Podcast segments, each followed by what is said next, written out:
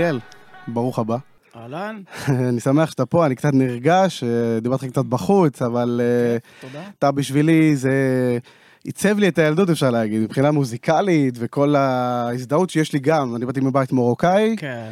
אה, אימא שלי ואבא שלי, גדלנו על המוזיקה, בשבילי, כשאני שומע שפתיים, זה מוביל אותי ישר לשמחות של המשפחה, לכל המשפחה, זה התמונה שאני רואה כל הזמן, השמחה. כן, בוודאי, בוודאי. אני, אני יודע, גם אור עקיבא זה בכלל, זה... מאוד דומה. מאוד זה דומה ל- המ- הסיפור של המעברות.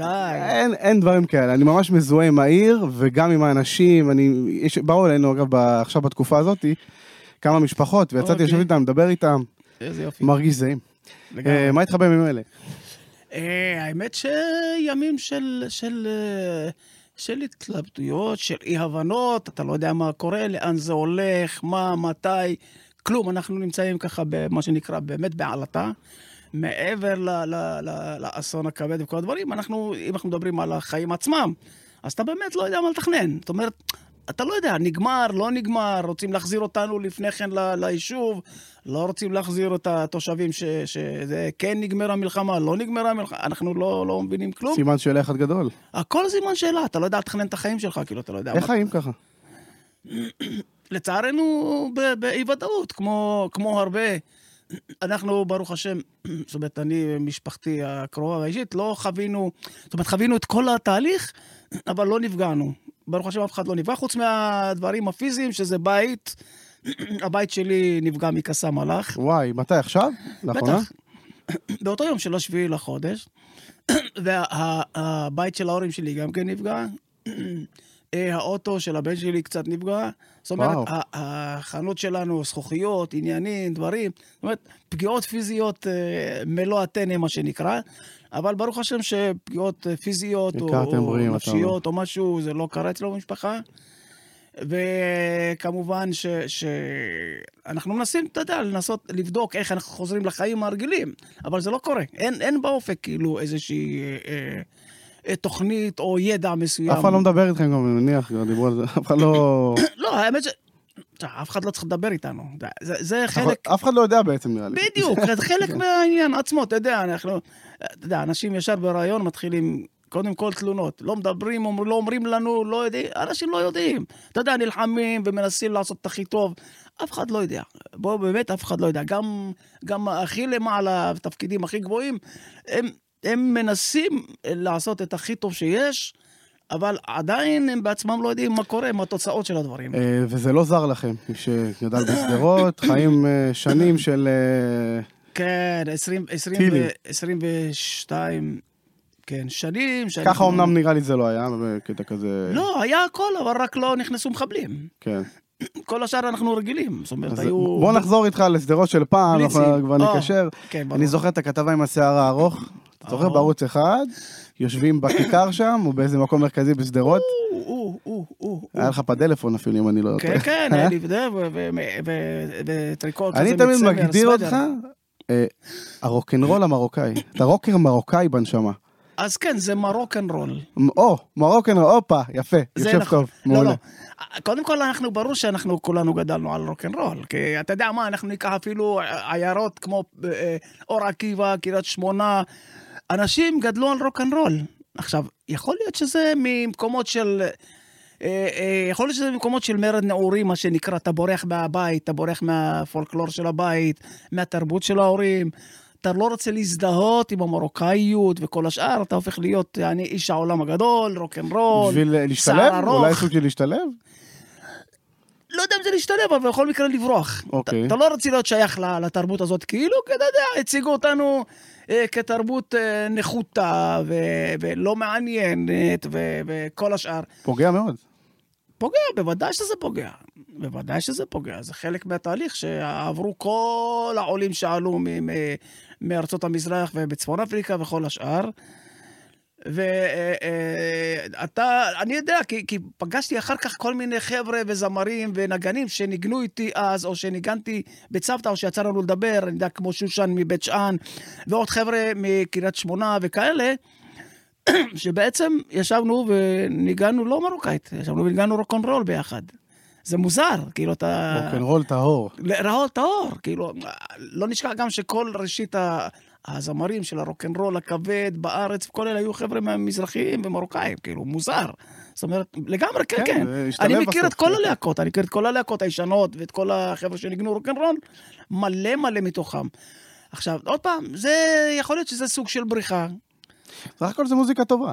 יש בה לא. בוודאי, אבל- אבל לא העובדה- רעה, אבל כן, העובדה שבעצם התחבאתם איפשהו בתוך כן, זה. כן, אז כשאתה מדבר על התוכנית ההיא, בעצם בלי כוונה, זאת אומרת, לא ידענו שבאים לצלם אותנו בכלל. אתה התחלת לנגן במנדולינה, אני זוכר. התחלה שלי מנדולינה, אבל באותו צילום, ישבתי עם גיטרה, כמו שאני יושב מדי פעם, ואם נשמע את זה אחר כך בשיר של שדרות ובית, איש וכינור, אתה שומע כשש... בלילות הקיץ, כששרנו בקולי קולות. זאת אומרת, באמת, ישבנו עם גיטרות בחוץ, וניגענו במרכז, בלי קשר לכלום, לא ידענו שבאים לצלם. אם כבר אה, נגעת בשיר הזה, זה בעצם שיר שיש בו אמירה מאוד אה, רחבה. על מה שאתה חווית, בעצם סיפרת פה את כל הסיפור של החיים והילדות שלך, ככה אני, זה מה שהצלחתי. לקבל בשיר. בוודאי, זאת אומרת, החיים, ילדות, על אנשים, אנשים, הבית קפה של אבא שלי. טיפוסים. כן, הטיפוסים, כי בית קפה של אבא שלי היו מגיעים כל עמי ועמי בשדרות, לא היה אז, לא היה מקום לבלות. אז היו מגיעים לבית קפה כולם. היו מגיעים בבוקר לאכול ספינג'ות, ואחרי זה לשתות כוסית מחיה, מה שנקרא, ולשחק שש-בש ורמי, ואחרי זה לעשות אה, אה, בערב מוזיקה וליהנות מכל מה שיש. ושם בעצם התנקזו כל החבר'ה, מלא חבר'ה חמודים, צבעוניים, עם שמות מוזרים, באמת, כל מיני מצחיקים כל וכאלה. טיפוס עם שם מוזר. כן, כל טיפוס עם שם מוזר, כן, היה, אתה יודע, טינטן, למשל, בורס, כל מיני שמות שאתה צוחק, כאילו, גם. אצלנו, אני זוכר. בוודאי. אני יודע שהתרבות, זה מצחיק, התרבות הזאת והפולקלור מגיעה מכל מקום, בכל עיירת פיתוח שהייתה אז, שרובם עולי צפון אפריקה וכל, אז כמובן יש את התרבות. אתה יודע איפה פגשתי אותה אחר כך, את התרבות הזאת? איפה? מצחיק. בשנות ה-90 במרוקו, כשהלכתי לבקר. אה, חזרת לשורשים, ובעצם הלכתי שם לבדוק את השורשים של ההורים שלי, ושם פתאום שמעתי את כל השמות וכל הבדיחות האלה וכל. הצחוקים. הכל התחבר אליך. לגמרי, כן. איזה יופי. ובעצם אה, אני יודע שגם אחים שלך מוזיקאים. זאת אומרת, יש את אלי שהוא היה מתופף, אני זוכר, נכון. בלהקת שפתיים. בוודאי, כן. ויש לך עוד אח שהוא גם ניגן בגיטרה, אבל הוא היה בלהקה? אה, לא, אה, בלהקה היינו אני ואחי אלי, שהוא היה מתופף. זאת אומרת, כל השאר מוזיקאים בפוטנציה, ניגנו וכאלה, אבל לא, לא, לא עברו לצד המקצועי של העניין. וכן, להקת המאה ה-21 הייתה לפני, נכון? בוודאי. זו הלהקה הראשונה בעצם? ש- לא הייתה, זאת אומרת, כשהתחלתי לנגן, כמו שאמרת, זה מנדולינה בגיל תשע או עשר, עם משהו שמצאתי וניגענו והופענו אני וחבר טוב, שרנו אז שירים, והוא שר בהודית ואני ניגנתי וכל מיני. ואחרי זה הלהקה הראשונה בעצם שניגנתי, זה נקראה להקת המחרוזות. זאת הלהקה הראשונה שקמה בשדרות, להקה של חבר'ה בוגרים יותר ממני בכ- בכמה שנים טובות. אבל מכיוון שלא היה להם נגן, אז ביקשו ממני להיות נגן בס. אני הייתי בן 13 בערך. והתחלתי לנגן איתם גיטרה בס, והלכתי והופעתי איתם בכל מיני מועדונים ומקומות כאלה. ואחרי זה הקמנו להקה של חבר'ה צעירים, שנקראה ליל השמשות, ושם אני הייתי מתופף. כי לא היה להם תופף. פשוט, אה, כל כלי נגינה נראה כן, לי. היו. לפי הצורך. היה צורך. לי- אז- ידעת, לא ידעת, פשוט אה, התחלת כן, לנגן. לא, גם לא ידעתי, ישבתי פשוט ניגנתי וזהו. ישבתי. על התופים, פשוט תופפתי וזהו. ושם. כמובן הגיל שהתחלנו לכתוב את השירים הראשונים שלנו. מיכה ביטון גם היה שותף להרבה שירים, אני שמתי לב. מיכה ביטון אה, יותר מאוחר, כי הוא בדור הצעיר יותר, והוא חלק, זאת אומרת, אם אנחנו נאמר, הוא חלק, אה, בשיר הזה, עכשיו לאומה שהוא, שהוא באמת חלק מזה, אני הפקתי לו תקליט שלם של להקת תנרה. ואז אה, בעצם התחברנו יותר, עשיתי לו את כל ההפקה לכל התקליט, החתמתי אותו בחברת תקליטים שאני הייתי חתום, וכמובן אה, היה תקליט מעולה, ושם בעצם התחיל קשר באמת, אה, קשר אמיץ, וככה כתבנו ביחד את איש וכינור. רגע, האלבום הראשון המשמעותי שיוצא לך, זה עם להקת שפתיים? בוודאי, בוודאי. זה, זה, זה הגיל שאחר כך, אה, אה, זאת אומרת, זה גיל יותר מאוחר, כלומר 30 וקצת. זה גיל כבר שאתה לא בורח משום מקום, ההפך, אתה מתחבר לבית, מתחבר להורים, מתחבר לתרבות שלהם. זה גיל שהקמתי בדיוק את הלהקה, ואחרי זה להקת, להקת שפתיים. ושם בעצם התחלתי לכתוב את השירים הראשונים בשפה המרוקאית וכל השאר, מתוך כוונה, כמובן, להביא את השפה ואת התרבות ואת המוזיקה הזאת למרכז התרבות. אתה האמנת אבל שבעצם שפה מרוקאית יכולה להגיע למיינסטרים, לקהל רחב? האמנת בזה מההתחלה או שאמרת, טוב, אני אנסה ויאללה, מה יהיה? האמת ש... אה, אה, האמנתי, אני, בעצמי האמנתי, כי עובדה שעשיתי. אה, אנשים מסביב, במוזיקה הישראלית לא האמינו. אני רוצה לס- לספר לך שסיימנו את התקליט הראשון, והיו לי... היה סליחה, זה עם מתי כספי? או שזה בא אחר לי- כך? לא, לפני, מתי כספי לא עשה את האלבום, הוא עשה איתנו שיר או שניים. כן. אבל את התקליט היה כבר גמור. זאת אומרת, ובאתי איתו, סתם לדוגמה, לאחים בן מוש, לאחים ראובני, אלה שעשו אז כל את החבר'ה המוזיקה שהיו המזרחית. מפיקים את כל ה... ואז הם אומרים לי, מה אתה מדבר שטויות? מי ישמיע מוזיקה מרוקאית? מי... זה היה אלבום עם אהלן וסהלן וכל הלהיטים? כן, לא, לפני אה, סלאם, לפני. טלפון, אה, פאטימה, אה, זה בא לפני, אוקיי. בוודאי. שרשרת. אה, אה, לאללה כל הדברים האלה. ו- ואנשים אה, אה, ששמעו, זאת אומרת, אני אומר לך, אנשים שחלק מהם זה חלק שעשו את המוזיקה המזרחית של אז, הם בעצמם לא האמינו, הם אומרים, "אה, יש מהמרוקאית, תגיד לי, מה אתה צוחק עלינו? איזה סיכוי יש לך בכלל? ואני האמנתי והגעתי לחברת תקליטים בסוף. חברה קטנה מאוד שלקחה אותנו פונוקול. הסכימה. הסכימה, כן. איך למרבה- הסכימה? היה שם מרוקאים? יש מישהו שהיו לו שורשים מרוקאים. התחבר. אבל, אבל מעבר, מעבר לזה הוא היה איש של עולם המוזיקה של העולם. והוא ראה פתאום שיש תהליך בצרפת ובכל מיני מקומות של שילוב של מוזיקה צפון אפריקאית בפופ והרוק אנד רול העולמי כאילו. שב חאלד וכל מיני להקות אז כאלה. הוא היה בעצם מבין במוזיקה העולמית. זה בחור שמכיר. בדיוק. זה ההתמחות שלו הייתה בעצם, במקרה, ואז הגענו אליו, ואז הוא אה, אה, כאילו עמד על כך שנחתום אצלם, וחתמנו, ומאז, אחר כך כמובן כבר רצו אחרינו כולם. וואלה. כל, בטח, כל מי שלא רצה. כל מי שלא ראה, עד ארצי, NMC, כל החברות התקליטים הגדולות, כיף, שאז היה... איזה כיף, הרגשת, לפחות, אתה יודע, ניצחת פה איזה משהו. זה כבר סוג של ניצחון. אני יודע אם זה ניצחון, אבל אתה יודע, כאילו, זאת אומרת ש, ש, שבסוף מכירים באמונה שלך ובאפשרויות שלך, ותמיד האמנתי שהמוזיקה היא מוזיקה טובה פשוט. אה, בעצם אבל שהאלבום הצליח, כמו שאתה אומר, אחרי שחתמנו בחברה והוא הופץ והיה הצלחה, אבל הוא קיבל במה בתקשורת, לא יודע מה היה אז בתקשורת, אם היה כזה בכלל, כאילו... אז לא, אז התקשורת עד אז הייתה, התעלמה לגמרי מהמוזיקה הזאת. אז איזה הצלחה בעצם הייתה לאלבום עם התקשורת? לא. הוא נמכר, עותקים? בוא? א', הוא נמכר בצורה בלתי רגילה, בתור קלטות ודיסקים שיצאו אז חדשים. זאת אומרת, בשווקים, בתחנה המרכזית, אנחנו בכל מדברים על השאר. שנות ה-90 פלוס מינוס? תחילה, תחילת התשעים, סוף, סוף, סוף שנות ה-80. כבר היה דיסקים? התחילו בדיוק, אוקיי. 89, 90, התחילו בדיוק שנולדתי דיסקים. 89, יפה. זה היה בדיוק היה מאמר, ואז עשינו את התקליט הראשון, שהוא היה על קלטת בלבד, כמו שהסברתי לך את השירים האלה. אבל התחילו, אתה יודע, כאן ושם להשמיע ברדיו איזה, איזה קטע קטן, איזה שיר קטן. ו- אבל האלבום כולו היה במרוקאית, לא היה עברית באלבום. בוודאי. עשינו בכוונה שכל התקליטים יהיו בשפה המרוקאית, בוודאי, כאילו, זו הייתה הכוונה שלנו. ו... ו... זאת אומרת, את העברית שילבנו אחר כך. זאת אומרת, בהתחלה, כמו שאמרתי, הייתה לי מטרה להביא את המוזיקה ואת השפה הזאתי לאיזושהי אה, אה, תרבות מתהווה ומוזיקה מתהווה ישראלית. עדיין לא היה מוזיקה ישראלית באמת. לא היה- הייתה מגובשת, כן. לא היה מגובשת. כן. היה הרבה מזרח אירופה, הרבה שירים רוסיים שקראו להם שירי ארץ ישראל הישנה והטובה, וכל מיני אה, שמות ו- ודברים כאלה. ואמרתי וחשבתי ש- שהחלק שלנו לא נמצא שם משום מה. היה עוד קצת יוונית נאמר, ועוד קצת תימנית, אלה היחידים שקיבלו קצת במה. אני שם לב, כמו שאתה אומר, זה מוזיקת עדות רובם, כאילו. עדות? כן, הרבה, תימנית, אה, לא, יוונית, כאילו. אבל למוזיקה הרגילה לא קראו עדות. זה היה כאילו מוזיקה ארץ ישראל. שייכו את זה בעצם כן, למוזיקה זה, ארץ, זה ארץ ישראל, עכשיו שאר, זה פתאום נהיה עדות. כאילו, מה שלא מתאים ל, ל, לכלל שהם חשבו שזה רק הם, אז זה פתאום נהיה עדות, כמו שאמרנו. ואז אמרתי, בוא'נה, לא יכול להיות שמוזיקה כזאת טובה, קצב כזה טוב, לא נמצא במוזיקה הזאת הישראלית, כאילו, אין את המקום הזה שלו. וזה חלק מהשליחות בעצם ש, שראיתי ביחד עם הלהקה, לשים את זה במרכז המפה המוזיקלית הישראלית, ושזה יהיה חלק מהעוגה הזאת שמתהווה ונקראת תרבות ומוזיקה ישראלית. ונוסיף לזה שבעצם אה, ההופעות אה, באותו זמן התפוצצתם.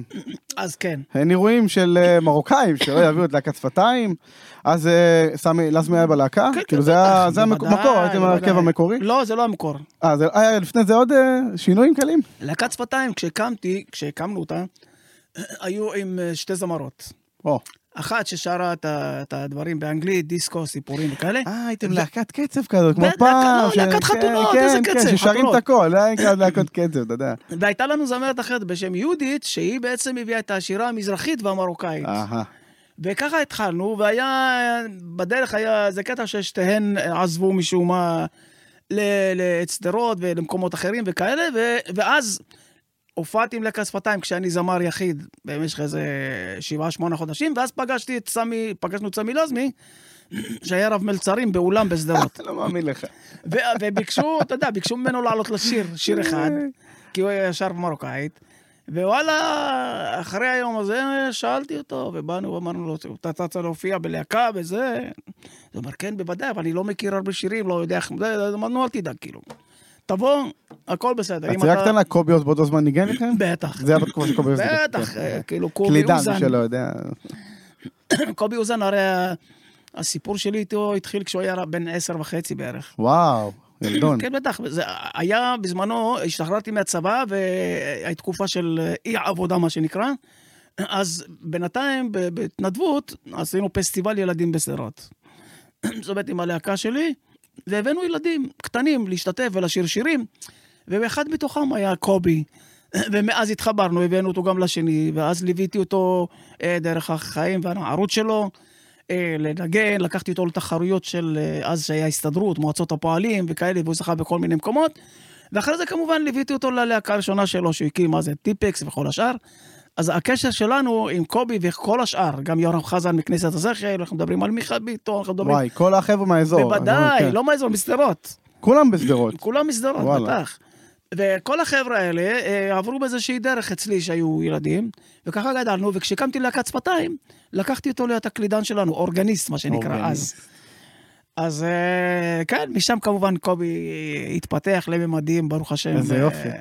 לגמרי אחרים. ו- סגרת איתו מעגל, אבל אני זוכר. בוודאי סגרתי. סגרת, עשה לך איזה הפקה, אני זוכר, לאחר מכן. כן, רק שהתקליטי סולו שעשיתי אחר כך, לעז'ב, אנחנו תני לו ללכת, אז הוא היה המפיק המוזיקלי והאומנותי. קופסת הפלאים בעברית. כן. אז עשינו מה שנקרא אה, ותני לו ללכת, אז זה גם חיבור מעניין, נדבר עליו אחר כך. אה. ואחרי זה את אה, לפי שעה. בקיצור, אה, אחר כך כאילו הסתבר, אתה יודע, שאנחנו לא מתביישים. כאילו, אתה יודע, יש קטעים שכשהוא היה צעיר, ואתה יודע, אני עזרתי לו והדרכתי ו- והכל, ואחר כך, אה, כשהשתנה הזמן, ויצאתי סוג של לדרך גגה סולו, התהפך, אתה חושב? לא התהפך, כאילו, אתה יודע, מתוך כבוד, מתוך הבנה כן. שהבחור מאוד מוכשר, יודע מה הוא עושה, מבין מוזיקה, עושה מוזיקה טוב, והכי טבעי לי. הכי טבעי שהוא יבוא כן. ויעשה את ה... את ה... נשארתם בקשר כל השנים? בוודאי, אנחנו עדיין בקשר. כן. אנחנו עדיין בקשר, גם. משפחתי, גם הוא משמיע לי כל הזמן דברים שהוא מוציא לפני. אני משמיע לו דברים שאני כותב ומלחין. אנחנו בקשר טוב איזה מאוד. כיף לשמוע. אז אנחנו חוזרים לתקופה שהתפוצצתם, אירועים, אה, זה מצחיק. בוא אני אגיד לך, כאילו, משהו ש... כשהתפוצצנו, עדיין לא היינו אה, להקת חינות. היינו להקת חתונות, בר מצוות, שעשינו גם את הקטע המרוקאי מעולה. שרתם בעברית כאילו? בוודאי. בגדול כאילו בעברית. הכל, בעברית, כן. באנגלית, בהכל. זה עוד היה מר- מרוקאי טהור כל לא, לא, ההופעה, לא, כמו לא, לא, מה שנהוג. פתאום, מה פתאום, מה פתאום. היינו מנגנים את כל הזה, ואז מגיעים לקטע המרוקאי, נותנים 20 דקות, משהו כזה. מה הייתם מנגנים בחייאת באירוע? בעברית? כל מה- מה היה. הולך באותה תקופה? הכל, כל מה שיצא להיט. היה גם מזרחית? מוזיקה מזרחית? המזרחית הייתה קלה, של זוהר היה? ארגוב כן. נאמר, אה, כן, אוקיי. חיים משה. אה, עוד יום יבוא ונשתה יחד לחיים. זה היה המזרחית של אז, כאילו שה... של כל השירים האלה. ופעמון זהב של אה, כל השירים שהיו אז. אה, והמקצבים התימניים, אתה יודע, כל מה שהיה אז. רומבות כאלה? אתה מדבר על... הס- לא רק סלואו רומבות? זה חצי בלדי כזה, אתה. יודע, כל מיני... אם תיתנו לי כוס יין. יין את דודים כלה, בואי אל גני. כל מיני דברים כאלה שאנשים, אתה יודע, זה בעצם מה שהיה נקרא מזרחית והחלק השמח בערב, ואנחנו הוצאנו, הוספנו, זה מה שמנגנים בעצם כל הלהקות, אנחנו הוספנו את הנדבך הנוסף של הקטע המרוקאי. ואז שם ראינו בעצם את הצמא של הקהל. חיכו לזה. חיכו לזה והתפוצצו ברגע שהתחלנו את הדבר הזה, כולם קמו לרקוד והשתגעו ואמרו, חבר'ה, איפה אנחנו יכולים לשמוע את השירים האלה? איפה אפשר להשיג את השירים האלה? ואז הבנו שאנחנו, אה, תוך כדי תנועה, אנחנו אה, משנים ומשתנים. ומשנים את הנוף ה- המוזיקלי, ולאט לאט מה שקרה זה שהרבה להקות התחילו לנגן את המחרזות האלה. זה נהיה המנונים, אני לא חושב, אני די.ג'יי, אגב. עושה הרבה חינות. אין אירוע בלי להקת שפתיים. כן, אני אה, לא רואה את זה בפלייליסט עובד. אז מה, מה שמפתיע זה ש, שלאט לאט גם התחילו להיות uh, תקליטנים אז באותה תקופה, כמו שאתה אומר, והתחילו גם להשמיע, וגם התחילו להופיע עם הדברים האלה, זאת אומרת מגיעים לחתונות, עדיין חינות גדולות לא היו.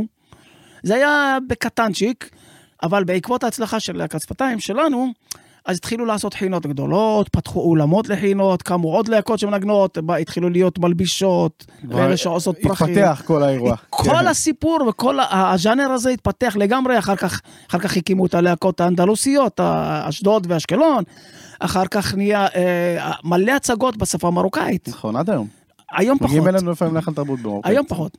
פחות. פעם זה היה כמה הצגות בבת אחת. אני, אני בעצמי עשיתי מחזמר אה, מרוקאי שנקרא בטח קפה, קפה דה מארי.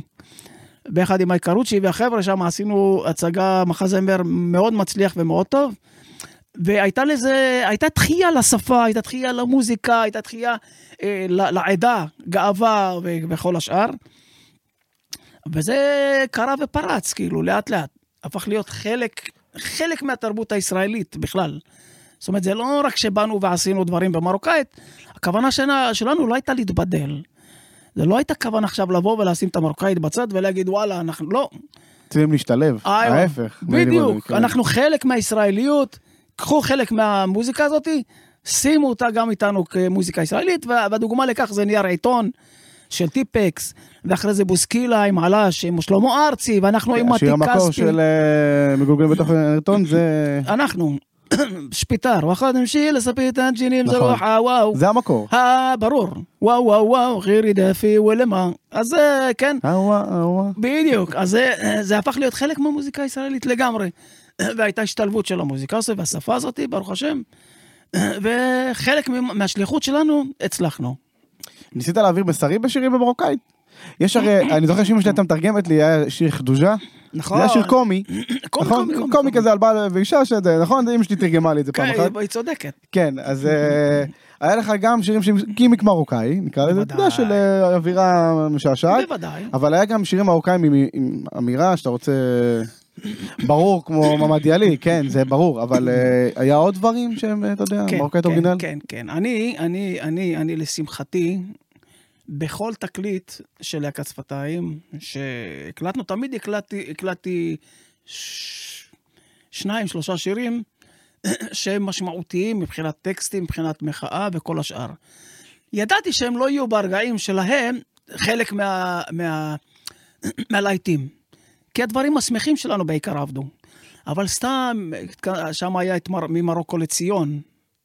שיר בעברית? בוודאי. נו, שהוא, שהוא מדבר על העלייה של צפון אפריקה ועל זה ששמות, שאנשים התביישו בשמות שלהם.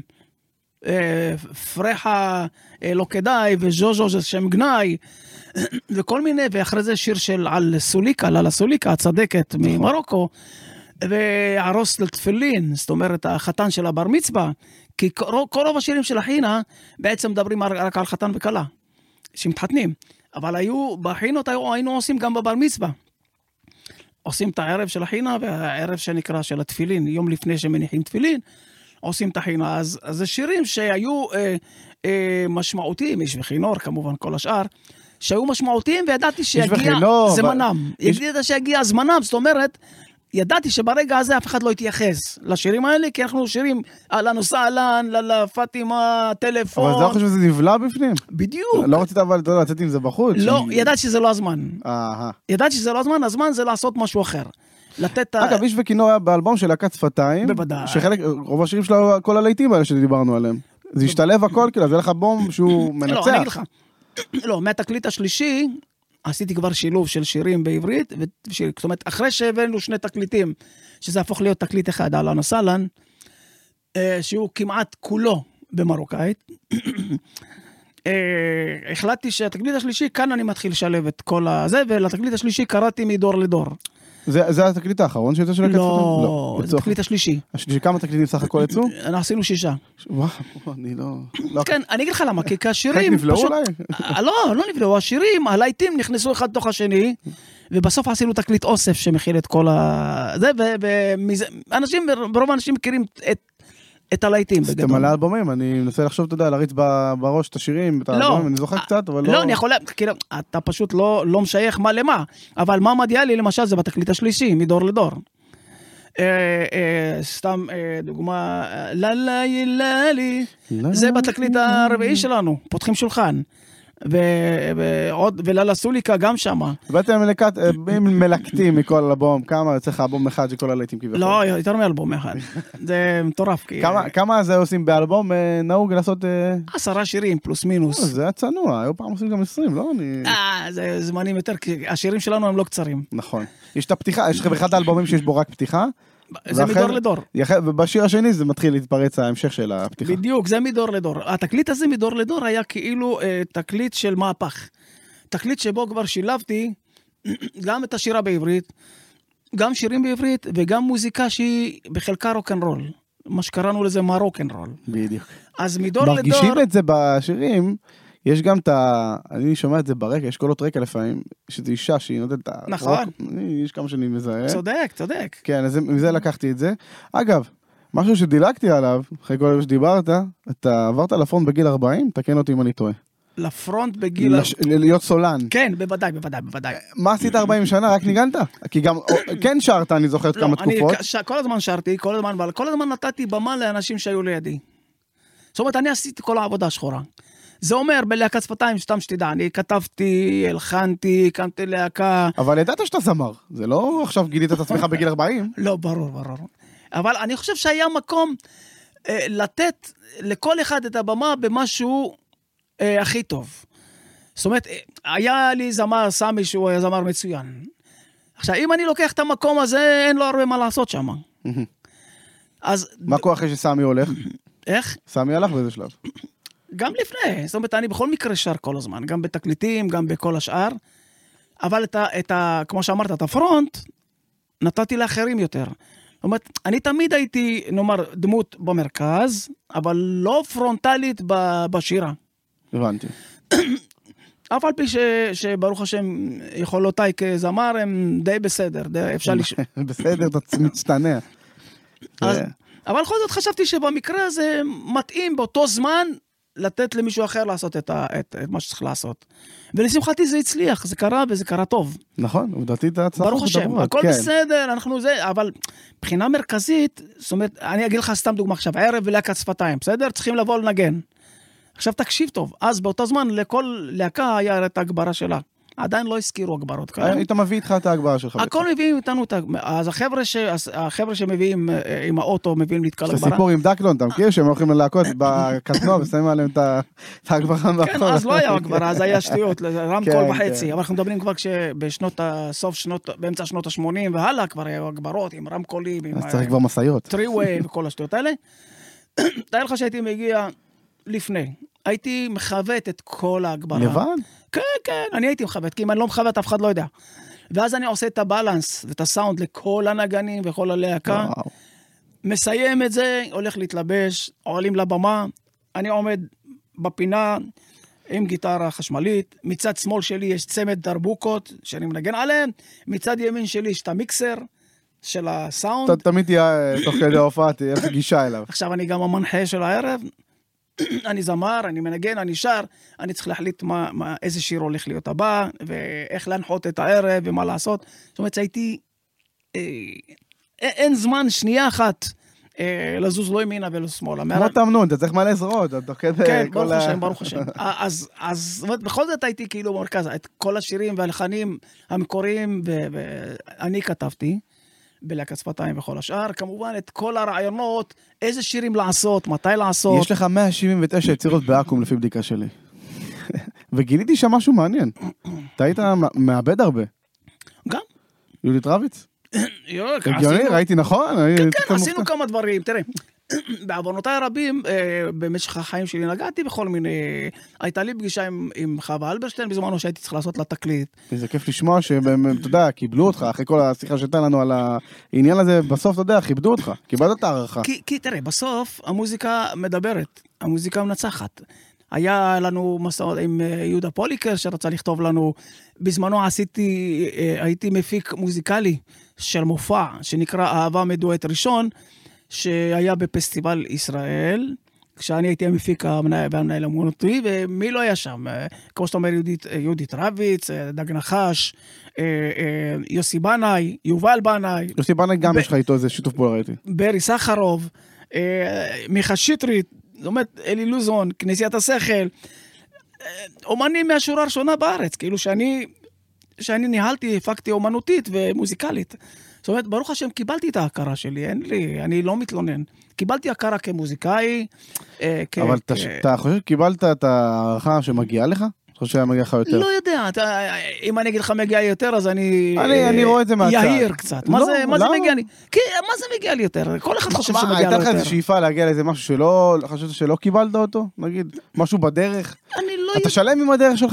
עם כולה? עם הדרך אני שלם. עם כולה? אתה לא מתחרט על משהו, טעות שעשית בדרך? לא יודע, אנחנו כל החיים שלנו עושים טעויות נכון, ועושים דברים טובים. אה, אי אפשר לחזור אחורה כן, וכל הזמן. להגיד, תשמע, הייתי יכול... בוודאי שיכולתי לעשות דברים אחרת. אבל זה גם בכל החיים שלי, כאילו. אבל גם- אתה שמח על הדרך הזאת? כאילו, הגעת ל- בטח, לבסוף, בטח, בטח, בטח. אתה מסתכל אחורה, אתה גאה, מרוצה? בוודאי, אנחנו חלק מההיסטוריה של מדינת ישראל. באמת. אנחנו חלק מהפסקול של מדינת ישראל. אנחנו חלק מהמהפך שקרה במוזיקה הישראלית הזאת, כל המהפך של המוזיקה, מה שנקרא so called המזרחית והצפון אפריקאית. קרו כאן דברים משמעותיים במדינה, גם. מוזיקלית וגם חברתית. ואנחנו, ברוך השם, חלק מזה. אז בוודאי כשאני מסתכל, אני חלק מההיסטוריה, ברוך השם. חלק מהמהפכים שעשינו זה, איך אומרים, ב- באשמתי, מה שנקרא. וברוך השם, זה, זה... יש לך, אתה יודע, אולי אני לא כוכב גדול, אתה יודע, אולי אני לא... לא... אני אתן לך פה איזה נגיעה שהיא לדעתי קונפליקט, לי מהצד. אתה חווית את זה אחרת, היה לך את העניין עם מתי כספי שהוא השתלב איתכם באיזה שיר 2, נכון? באותה תקופה? היה איזה קצת עניין שהייתי, הרגשתי קצת לעג אולי, או שאני רק אני? לא, אתה יודע לא, למה אני מתכוון כן, טיפה? כן, כן, זה, זה, בדיוק, הטריגר שהביא אותי לשיר. הלעג הזה, והוא... אחרי זה אני דיברתי איתו. אתה לא חושב שזה מבזה טיפה? לא. בהתחלה, כן, כאילו ידעתי. כשאתה שומע מה, תראה, הוא עשה בזמנו שיר שנקרא נחליאלי. אבל מה, באותו תקליט, הוא עשה מלא שירים אחרים, שכל, כאילו כמעט כל שיר מייצג איזושהי עדה מסוימת. אז כשהוא עשה שיר כאילו איטלקי, אז הוא עשה מבטא איטלקי וכאלה. עכשיו הוא הגיע לשיר נחליאלי ועשה מבטא מרוקאי משום מה. שרב כבד בחוץ, וכאן ואני. כאילו הוא מסתלבט קצת. גם אני חשבתי שהוא מסתלבט. ואז אה, בתגובת נגד כתבתי את ללה אישה. ושם בעצם היה מפגש שלי והלהקה איתו.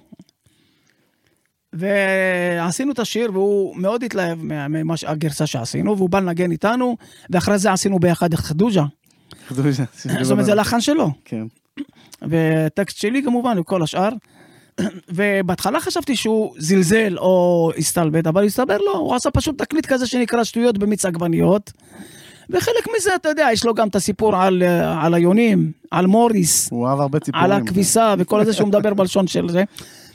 אבל אחרי זה, סתם לדוגמה, אני אספר לך משהו על מתי, שהוא מוזיקאי גדול, אחד הגדולים במדינה, ואולי בן אדם לא פחות. כי, תראה, על השיר הראשון שהוא ניגן איתנו באקורדיון, על הלאישה הזה, הוא התחיל לנגן והתחלנו להקליט אותו, ואז עכשיו אני בא ואני צריך להגיד לו שהוא מנגן משהו לא נכון, בקצב. כמה פעמים מצאת אותו? עכשיו? מה עצרתי עכשיו? לא רק עצרתי אותו, בהתחלה לא עצרתי, פחדתי. אמרתי, כאילו איך אני עכשיו חי מוליאל, כאילו אני בא עכשיו כן, משדרות, מאיזה. עיירה כן. קטנה, להקת חתונות, שפתיים זה להקת חתונות, הלו, זה לא עכשיו, אה, תגיד לי, להקות ה- ה- שאז קיבלו אה, אה, אה, הרבה רעש והרבה שם והרבה כבוד, מה שנקרא, אנחנו באים כלהקת חתונות, להקות חתונות, אז נחשבו לחלטורות. עכשיו, מתי כספי היה מוזיקאי ענק, הוא עשה מלא זמרות, ריקי גל, יהודית רביט, כתב מלא להיטים במדינה עם, עם, עם אהוד מנור, ואיך אני עכשיו בא ואומר לאחד כמו מתי, תשמע, אתה לא מנגן טוב, אתה לא מנגן נכון. גם אני לא יודע לנגן אקורדיון, כאילו, אבל ככה הרגשתי. ואז באתי ואמרתי למתי, "ש- סליחה, אני רוצה להגיד לך משהו, כי הוא אומר לי, נו, מה אתה רוצה להגיד? תשמע, אני לא יודע, לא נעים, אני לא יודע מה להגיד לך, אני לא יודע איך להגיד לך בכלל. ואז אה, הוא אומר לי, אה, אה, תגיד מה שאתה חושב. אני אומר לו, תשמע, אנחנו... אנחנו לא באותה כיתה, אתה יודע, אנחנו בזה, ואני לא יודע איך ל... ל... אומר לי, תקשיב, חיים, אנחנו אמנם לא באותה כיתה, אבל אנחנו באותו בית ספר. יפה. כן, אל תהיה, זה, תגיד, אתה מבין במוזיקה שלך, תגיד לי מה אתה חושב. אמרתי לו, אני חושב שאתה מנגן הפוך באקורדיון, הפתיחה שלך הפוכה, תתחיל קודם ככה, למה, זה, ואז תסגור. הוא אומר לי, מה זאת אומרת, אתה לא מבין? אמרתי לו, תבדוק, תנסה. ואז הוא ניגן בצורה שאני אמרתי לו, ויצא וואלה בדיוק. אז הוא, אתה יודע, הוא כאילו אה, ממש התלהב, אמר לי אה, תודה, כאילו, ואני גם הרבה פעמים אמרתי לו תודה על מה שהוא נתן לנו, כי בכל זאת, אתה יודע, שמתי מנגן איתנו, דמות כזו, אז הוא נותן לך איזושהי אה, תעודה, הכשר, גושפנקה. נכון. הבן אדם נותן לך מה שנקרא תעודת הכשר, בואנה, זה להקה טובה, זה להקה, אם אני מנגן איתם, זה אומר שזה משהו לא טוב. לא סתם, בטח. אז מה שהתחיל כאילו כלעג, בסוף הפך לאחד מה, מהשיתופי פעולה הפוריים והטובים ביותר, ואנחנו כמובן נזכור לו את זה לטובה כל הזמן. כל הכבוד, אחלה מעטי. בוודאי. אה, יש לך עוד אה, וי שסימנת בקריירה, והוא לא מוזיקלי, הגעת להישג הצהלולים. הגשת אותה לאקדמיה ללשון, נכון? כן, כמילה, ודאי. ואישרו אותה. והיום הקולולו, זה לא קולולו, זה צהלולים. בדיוק. בעברית אה, צחה. אז קודם כל, לפני שקיבלו אותה לאקדמיה, אני אספר לך את הסיפור, זה עצבן אותי באיזשהו מקום שאין באמת מילה לדבר כזה כל כך מרכזי בחיים, בחיים שלנו, של אה, מה שנקרא עדות המזרח, צפון אפריקה וכאלה. קוראים בכמה כלים, יש קולולו אזררי? כן, אבל כן, זכרת כן. זה השם שלו במרוקאית. אה, אוקיי. אבל לא ידעו מה לקרוא, היו אומרים לעשות לבן אדם, תעשה לולולו, תעשה קוקולולו. אבל איך אתה מפרשן לי זררת? אני עכשיו אה, רוצה לדעת מה המילה. איך אתה... אי אפשר לפרשן. אתה מבין? אי אפשר, כי זה, שם במרוקאית, אז אתה לא כן. יכול... אין לזה פירוש. אין. זה הפירוש, תעשה את זה ל- לצהלל, זה הפירוש. אבל חשבתי שחסר לזה מילה, כמו שאתה אומר, במרוקאי, בעברית. כאילו, אתה לא יכול להגיד לאנשים, תעשה קולולולו, מה זה, מה, קולות של ציפור, מה זה השטויות האלה? אתה צריך לזה שם, ואז ישבתי וחשבתי ומצאתי את השם הזה, ברוך השם, המצאתי אותו, והשתמשתי בו. אבל הייתה לי איזושהי כתבה בשבע לילות בידיעות, ואז אמרתי, דיברתי על המילה צהלולים, לפני שהיא יצאה והתקבלה, וטענתי שנשיא האקדמיה והחבר'ה שם הם אשכנזים והם לא, לא מעניין אותם כאילו מילים שצריך בעברית, דווקא ל, ל, ל, לצרכים מה שנקרא אה, של אה, חלק מהאוכלוסייה הגדולה במדינה. רצית להנגיש עוד דברים שהם לא רק... כן, זאת אומרת שזה חלק, מילה שחייבת להיות בעברית כאילו. ואמרתי שהם לא בסדר, שהם לא מתחשבים ולא יודעים, ואז התקשרה אליי ביום ראשון, קראו את זה בעיתון, התקשרה אליי המזכירה של האקדמיה ללשון, ואמרה לי, תשמע, נשיא האקדמיה רוצה לדבר איתך. אמרתי, בסדר. אז הוא מתקשר, שלום, חיים, וזה, אני מדבר נשיא האקדמיה, טה טה טה טה טה, ולמה אתה אומר דברים כאלה, וכותב בעיתון, ואתה אמרתי לו, תשמע, מה באמת שאני חשבתי? אז הוא אומר לי, רק תדע שאני מרוקאי, וואו. אני נשיא אקדמיה, ואני מצטער שלא חשבנו על זה לפני כן. זה בר אשר, פרופסור בר אשר. אני מצטער שלא חשבנו על זה לפני כן, ויפה שחשבת על זה. אז בוא תגיש את זה לאקדמיה כהצעה, ונדון בזה. ואכן כך קרה, הגשתי את זה כהצעה לאקדמיה. קודם כל יפה מצידו שהוא בא, אתה יודע, מהצד הטוב, ולא יכל להגיד, אה, הוא, אתה יודע, אז כן, אז אתה יודע, אז הוא. קודם כל הוא נפגע כשכתבתי את זה, אבל אני באמת לא ידעתי. אבל יצא שהגשתי את זה לאקדמיה, וברוך השם יש לי מילה בשפה העברית. לכל. החיים, אתה יודע, שירים, אנשים ישכחו אותם אולי עוד 30, אני 40, מאמין 50 שישכחו שנה. קלאסיקות כאלה. לא כולם. יש קלאסיקות שנשארים, לא, שירי מדף זה נקרא, כן, אבל- בחיים לא יעלמו לנו. אבל כן, ברור, אבל אתה יודע, עדיין, עדיין, אתה יודע, זה יהיה באיזשהו מקום, אנשים שוכחים זמרים, שוכחים, אתה יודע, אתה לא זוכר מה היה לפני 100 שנה. אותך זוכרים חיים? אה. אתה יודע מה, חלק כן, חלק לא. לא יודע, לא הרבה. אני לא כוכב כזה גדול שכל ה... מזהים אותך הרבה? כן, לא יודע מה הרבה, מזהים אותי. אבל לאט לאט זה דועך. טוב, בא דור אחר שלא מכיר. עכשיו, איך אני יודע שאנחנו מתבגרים ואנחנו כבר פחות מזוהים? אני אספר לך עכשיו סיפור חמוד. כשהייתי צעיר ויפה בלהקת שפתיים, הייתי מסיים הופעה, ואז היו מגיעות מלצריות חמודות, צעירות, שהיו בנות 18, 16, 17, נותנות לי מספר טלפון. תתקשר, לא תתקשר, וכאלה. אחרי 20 שנה בערך, באותו ההופעות של הלהקה ושפתיים וכאלה, היו מגיעות אליי חבר'ה מלצריות, בנות 18, 16, ונותנים טלפון. זה טלפון של אמא שלי, דבר איתה. ועכשיו, אתה יודע, בשנים האחרונות, כל הצעירות שבאות להצטלם איתי ולזה, אומרות, בואנה, אנחנו חייבות תמונה איתך לסבתא שלנו. אה, זה כבר עבר דורות, עוד זה עוד דורות, הבנתי. אז אתה יודע, אז אנחנו, גם אנחנו כנראה, אתה יודע, הזמן עושה את שלו, מתבגרים, אני וזה קצת קשה בסדר. לי עם זה. לי קשה עם זה, כי... איך אני אגיד את זה? כשאתה גדל על מישהו, ואתה יודע, יש פה, אני לא צריך לספר, יש פה במוזיקה הישראלית מלא דמויות שאף אחד לא ישכח בחיים. שלמה ארצי, אריק איינשטיין, אני יכול לספור אותם, זוהר ארגוב אפילו, כאילו, אבל אה, אני חושב שאתה חייב לשים אותך ב... במקום הזה ש... שידעו את, את מה שעשית, אתה מבין? את המורשת. אתה לא עשית פה, לא באת, פשוט הוצאת אלבום, אתה יודע, ועשית פה מעבר. אתה, דיברנו על זה עכשיו, כל השיחה הזאת בעצם איזה דרך, אתה חפרת עם הידיים, עם הידיים שלך חפרת דרך שהיא חייבת להיות אה, יותר, אה, לא יודע איך, לא, לא, לא לקבל הכרה, קיבלת את ההכרה שלך, אבל יותר, אתה יודע, מונגשת גם היום לחבר'ה הצעירים. אה, משהו אחד שקצת אה, אני יכול להבין, האלבום האחרון שהיה ב-2006, כן. עבר הרבה זמן מאז. בוודאי. אתה לא באמת זמר פעיל שמוציא... לא, מה זה לא אה, דבר? גם הדור שלך כבר לא עושים את זה, כבר לא נכון. מוציאים היום אלבום, דיברנו על זה גם לפני, לא מוציאים פה סינגל שם. אתה אתה חושב לא, שאתה לא רלוונטי היום לא, בשביל לעשות את לא- הדברים האלה? לא, א', אני לא יודע, אבל אני רואה שזמרים אחרים, שהם בוג- בוגרים ומבוגרים, כל הזמן מנסים להוציא שירים ואף אחד לא משמיע. באמת. זאת אומרת, לצערנו, אה, אה, הדור הצעיר שולט. עכשיו, אני בוודאי לא רוצה לראות את עצמי עכשיו, כי אתה יודע, כמבוגר וזה, אבל אלה החיים, זאת האמת. אנשים אוהבים לראות אנשים צעירים על הבמה ולשמוע אנשים צעירים. לא כולם. הרוב, זה העולם, זה העולם. קשה לקבל את זה. אני קשה לקבל, אבל אתה יודע, אני מסתכל על זה כמו מה שנקרא בעיניים מפוקחות, זאת האמת. אתה ניסית להתאים את עצמך? מ-2006 לא הוצאת אלבום? לא, מה זה לא למה לא? הוצאת אלבום מ-2006? כי אני חושב שאין מקומות, אין כבר מקום במדינה הזאת הרגשת כבר לאלבומים. אז ב-2006 שזהו, מיצית את. עניין ה... בוודאי, אתה? מרגיש, את התהליך. עכשיו, זה לא שלא עשיתי, עשיתי דברים, אתה יודע, עשיתי כאן שיר, שם משהו, עשיתי את... אה, לא מזמן עשינו את, אה, את, ה- את הפיוט יפה ותמה, עם לאור אלמליח ו- ומיכאל פרץ ושמעון אצל סיבוני. זנתי, מה שהקלטתם? אצל זנתי הקלטנו. נכון. זה היה להיט על. נכון. זה יותר משבע מיליון אה, צפיות, רק באנשים שהם יכולים, כי יש הרבה שיש להם מה שנקרא טלפון כשר, והם לא רואים יוטיוב וכאלה, נכון. אבל זה הגיע אליהם דרך הוואטסאפים וכל מיני, זאת אומרת שבאמת אני יכול להגיד שמעל 10 מיליון לפחות זאת אומרת, עושה דברים, עשיתי דברים, כאן ושם, הופעתי מלא תוכניות, אני אבל מתראיין, בוא נתקן, אתה עדיין מופיע. אני מופיע כל הזמן, כל הזמן. בוודאי. אף פעם לא הפסקת להופיע. לא, לא. חומרים פחות, אבל הופעות תמיד. תמיד. הופעות, בוודאי. גם בדברים משפחתיים, פרטיים, כאילו, כמו שאנחנו יודעים, חינות וכאלה מדי פעם, וגם מופעים, אתה עוסק רק במוזיקה יום חיים, שאלה טיפה אישית?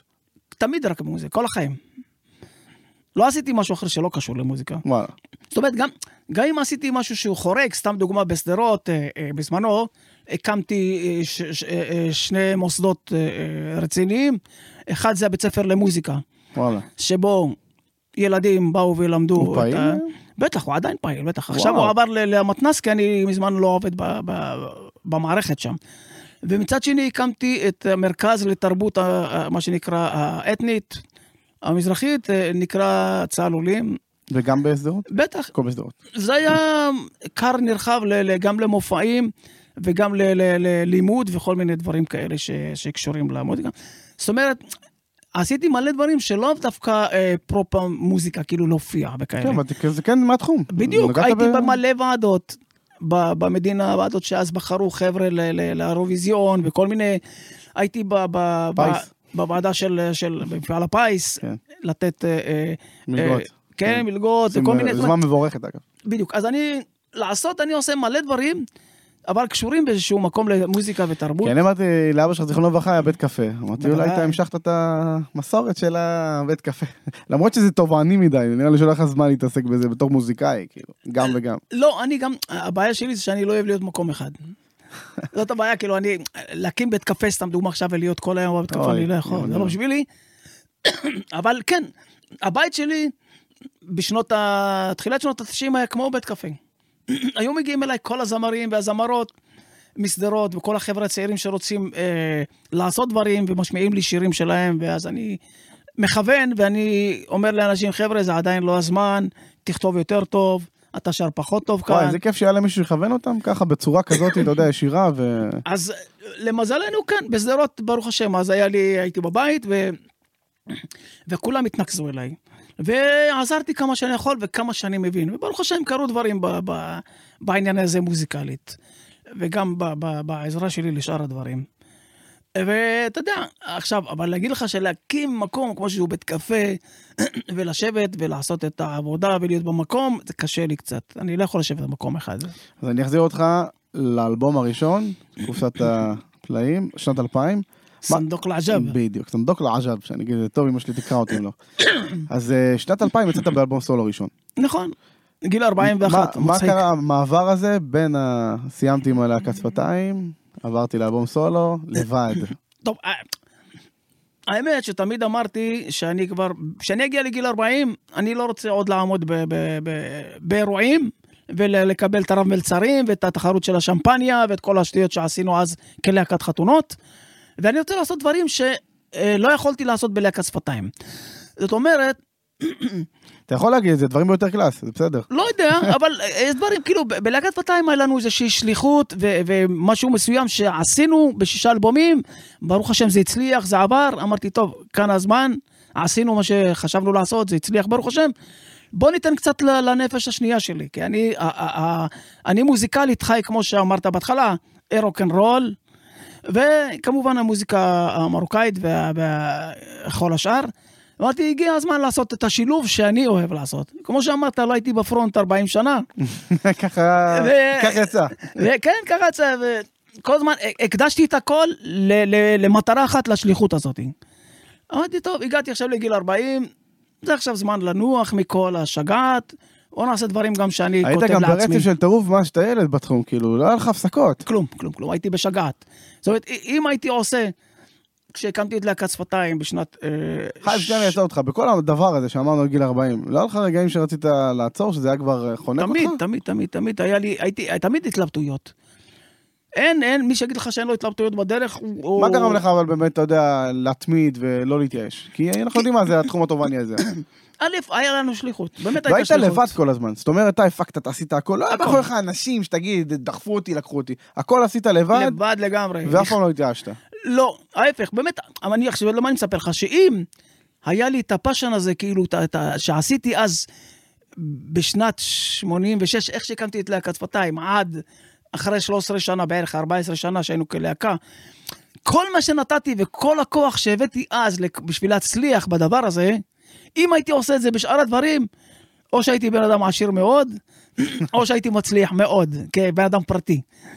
כשאני מסתכל לאחור, פשוט לא, לא, לא, באמת לא נחתי שנייה אחת. כל פעם אם זה לא לכתוב, אם זה לא להפיק, ואם זה לא להופיע, אז אה, להגיע לרעיונות ולדבר עם מפיקים ולדבר עם מנהלים, ו... הייתי באטרף, באטרף כל הזמן. וברוך השם, זה הוכיח את עצמו. כן, אבל לך drive כזה. הרצון להצלחה, כאילו היה בוער בך כל הזמן? לא הצלחה שלי, זה העניין, זה לא הצלחה אישית. נכון, זה הצלחה של כל הפרויקט הזה, בדיוק. של כל השפה הזאת, של כל המוזיקה הזאת. היה לך מטרה כלשהי שם, ש- בדיוק. של העניין הזה. ו... והיה יותר קל לי לייצג את זה, כי אני לא מייצג את עצמי אישי. אבל לעומת זאת, כש... כשעשיתי קריירה אה, סולו, אז אני לא יכול לדחוף את עצמי. אמרת פה משהו יפה, אתה הרגשת אבל בעצם שיש מאחוריך אנשים שמצפים ממך, בקטע של המרוקאי וכל העניין הזה? הרגשת ש-. שכל העדה מאחוריך, אתה בוודאי. עכשיו מ- מרץ איתנו. בוודאי, סוף סוף, אל תשכח שעד אה, שנה, עד שלא הייתה להקת שפתיים, לא שמעו את השפה הזאת אני ברדיו. זוכר את דוד שלי, היה שומע איזה ערוץ אה, בלוויין של מוזיקה מרוקאית, זה מה שהוא היה זה, רואה. או זה, או שומע או רואה, או שהיה להם חדשות בשעה חמישה לשבע, ואז שמים שג'ו עמר באיזה רבע דקה, ומתחילים לדבר על החדשות במרוקאית. לא היה מקום למוזיקה הזאת ולשפה הזאת. ווא- ווואלה, אמרנו להילחם על כל האפשרויות האלה ונביא את זה למרכז הפאפה. אז. אני חושב, ברגע שהבנתי שזה בסדר, אנחנו שמה, אנחנו שם, אז אפשר לעשות דברים אחרים. אז מה בעצם, שלחת את כולם הביתה? לא. כל אחד אמרנו, אמרנו, חבר'ה, אנחנו עד סוף השנה הזאתי, מחויבים להפרעות. חייבים, כן, עושים מה שזה, וגם אתם שתדעו, ואחרי זה כל אחד לדרכו. ברוך השם, עשינו, הצלחנו, הכל היה בסדר.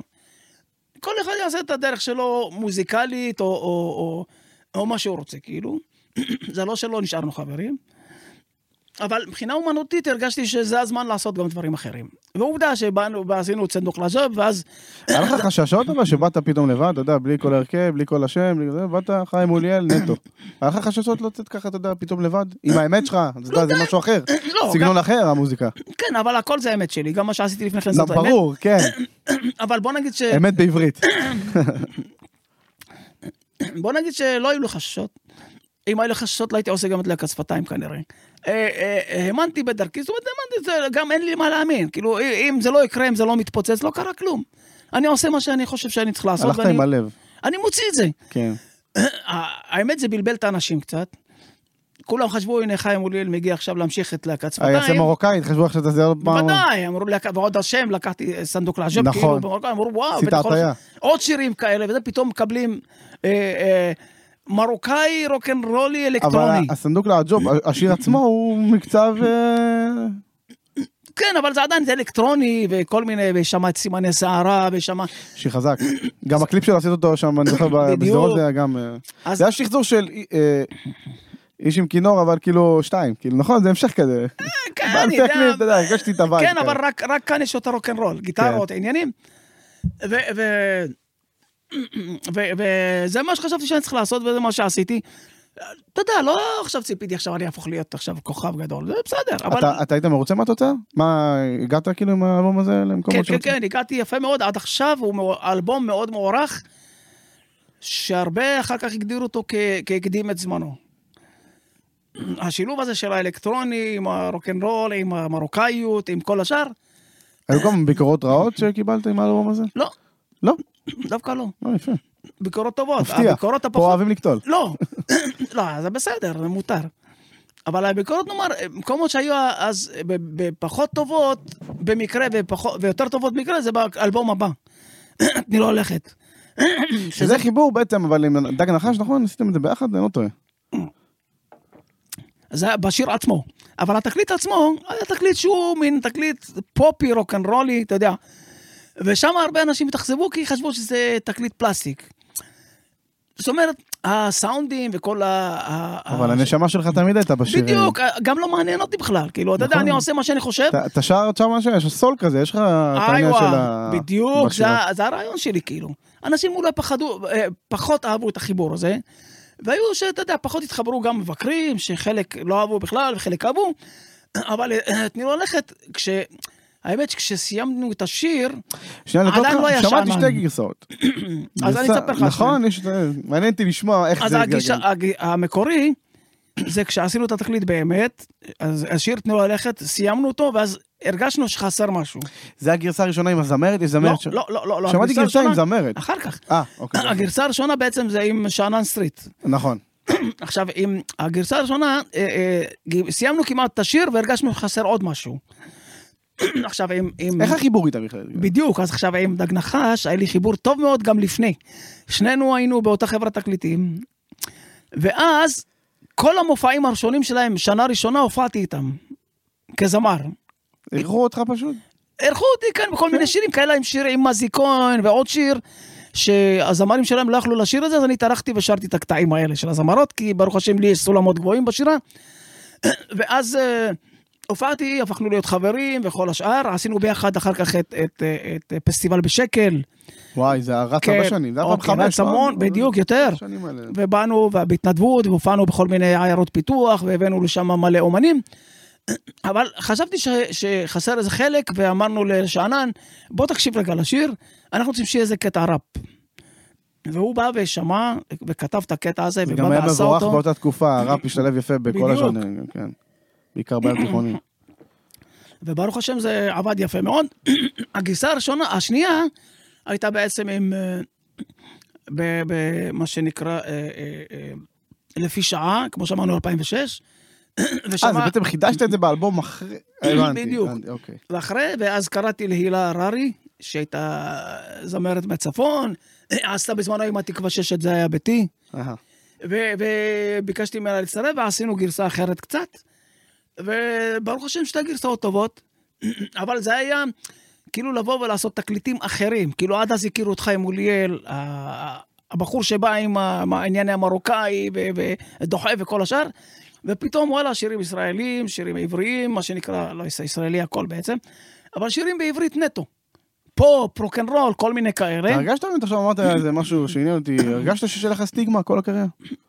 סטיגמה של המרוקאי שבא משדרות, השכונות אה, מעברות, ברור. כל- היה לך תמיד את התווית הזאת? בוודאי, עד שלא יצאתי לדרך עצמאית, מה שנקרא סולו, זה, זאת בעצם... לא הי- דיברת על זה אף פעם? לא, בשום רעיון לא אמרת להם, חבר'ה, תניחו לזה? לא, לא, לא, לא, גם זה בסדר. כי זה מה שעשיתי. כלום לא מפריע לך, חיים. אתה בן אדם מאוד נוח. אבל זאת, כי זאת האמת. כי עשיתי את זה מתוך ידיעה ומתוך רצון. זאת אומרת, זה בסדר אם הם ראו את זה כמו שראו, כי זה אבל מה באיזה שלב שהבאתי. צריך לשחרר, כי זהו, נגמר, עבר השנים של המעברות, התקדמנו, אתה יודע. אוקיי, אז העניין של לשחרר זה בדיוק אני שחררתי. אתה, לא, הם, אתה... ברגע שאני שחררתי, זאת אומרת, ברגע שיצאתי לדרך עצמאית לסולו, מה שנקרא לעצמאות, אה, לעשות תקליטים סולו וכאלה, וסגנון אחר, אז גם אני יצאתי לדרך עצמאית, וגם אחרים ראו אותי בדרך עצמאית אחרת.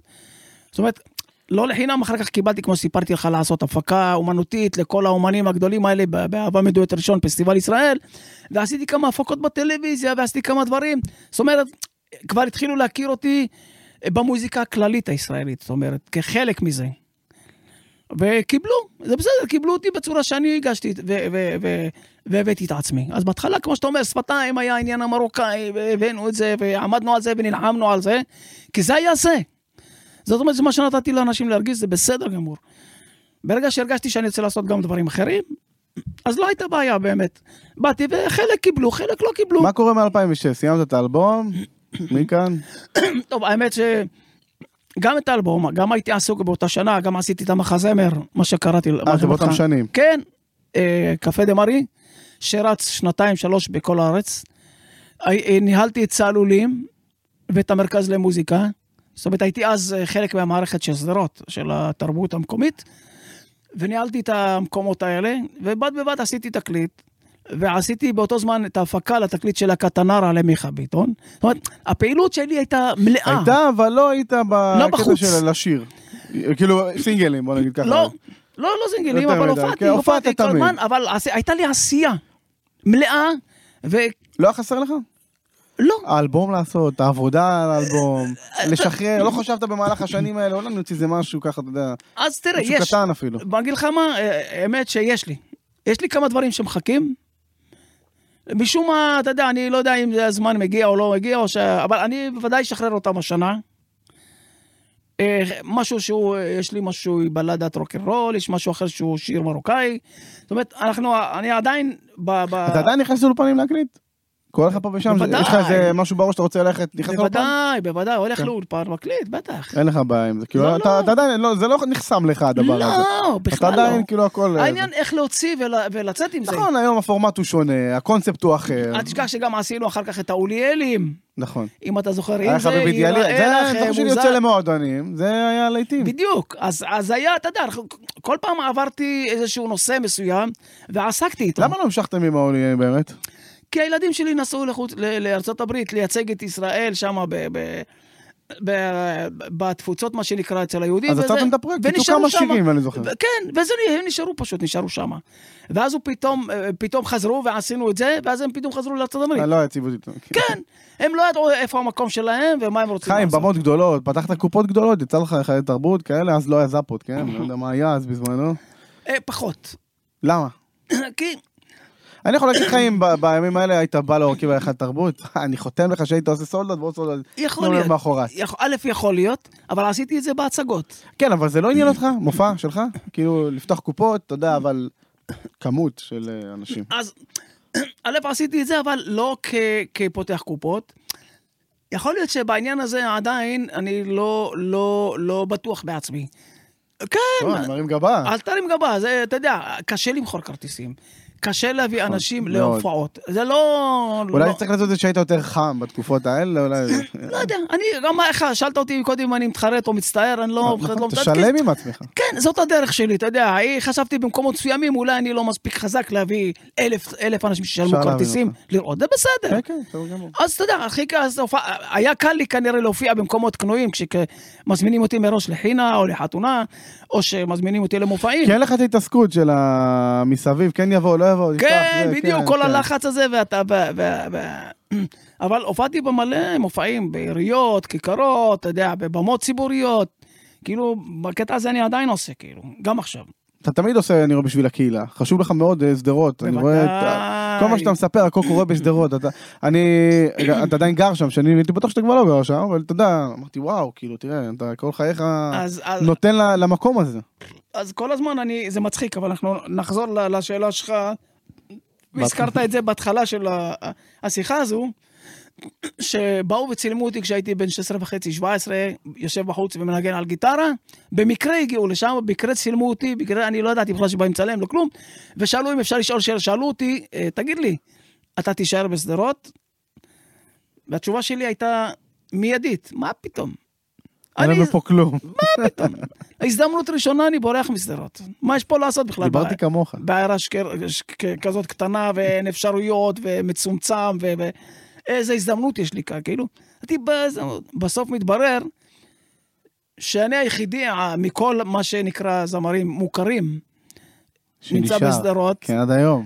ואחרים כבר לא שם. כולם עזבו. כולם עזבו לתל אביב. או למקומות אחרים. אבל אני גם הייתי כמוך, אני זוכר בתור ילד, מי יישאר פה במקום הקטן הזה? מה אני אתפתח פה? כל המשפחה שלי, אתה חייב לעבור, מה אתה מחפש פה? ואני, בדיוק. עם הזמן, שדברים השתנו, טוב, גם העיר השתנתה, אני הייתי בשדרות לפני ארבע שנים, שלוש שנים. כן, אתה יודע, אני בראש שלי עיירת פיתוח אחורה, באתי, של אז, יש אזור כן. תעשייה הייטק, בטח. יש מתחמים, יש הכל, יש הכל, בדיוק, כאילו, זה אבל- לא מה היה, העולם מתקדם, וגם האנשים. אז עדיין, שדרות, אני חלק משדרות. זאת אומרת, אני נולדתי בשדרות, מצחיק. אני כבר 66. אני רואה בך סמל של 66 שדרות. הצעיר. אני לא יודע אם אה, צעיר כבר לא, ובוא נגיד ש... לא יודע אם סמל, אבל חלק כן, משדרות. זה סוג של סמל, מי שרואה אותך רואה את שדרות, כאילו, אי אפשר לפספס נכון, את זה. אז חלק משדרות, אז אה, אתה יודע, אני שמה, אני נשארתי שם גם ברגעים היותר יפים, כשהמוזיקה של שדרות פרצה ולהקות משדרות פרצו. ג'וליאטה גם הייתה משדרות. ג'וליאטה? הייתה משדרות. בוודאי. נכון, אני לא טועה. ג'וליאטה וחגית יאסו, וואי, חגית, חמודה. כשהקמתי את המרכז למוזיקה, לקחתי אותם כנערות, והקמתי מה שנקרא את צעירי שדרות. והם היו חלק. מצעירי שדרות, לקחתי אותם למופעים, לקחתי לכל מיני מקומות, ואחרי זה ברוך השם הם פרצו החוצה, מה שנקרא, שתיהן. והיו עוד חבר'ה כאילו שהיו איתי אז, ומנגנים, וכל מיני כאלה. וחלק חלק מהעשייה שלי זה שדרות. אני אה, פטריוט של העיר, איזה יופי. כמובן גם ברגעים הקשים של הקסאמים הראשונים, כל וכל תקופה, השאר. כל כמה שנים, רגילים כבר. תקופות קשות מאוד, זה היה חלק ממני, גם בתקופות היפות שהצלחנו, ששדרות אה, אה, הוכרה כעיר מוזיקה, ליברפול של ישראל, אמ, כל כך הרבה להקות וזמרים, כנסיית השכל, יש שם איזה. קסם בעיר מבחינת... בוודאי. חושב על כל מי שיצא, ולא יצא סתם. כל אחד יצא, אתה יודע, ממש כאילו קלאסיקות. ו- לגמרי, לגמרי. מדהים. מה שאמרתי זה חלק מההצלחה יש איזה ברקה שם ישראלית. במקום הזה, אתה חושב? כן, ענה ענה שם מאוד מאוד מבורך. אז אה, אני חושב שכן, אני חושב גם הביחד שהיינו. איזה כיף. כל הביחד שהיה לנו כשהיינו... מי שלא חווה עיירת פיתוח קטנה עם אנשים כמו אצלי, אני, אני אגיד לך בדיוק, אתם כולכם מכירים את כולם. בדיוק. משפחות, אמא שלי, אה, אתה לא מכיר את האח של ההוא שהיה ברור. בטח, מה? לא, גם יכולתי לראות ילד קטן ויגיד לך מההורים שלו, בלי שאני מכיר. אותו. ברור. ועל זה מדבר איש וכינור.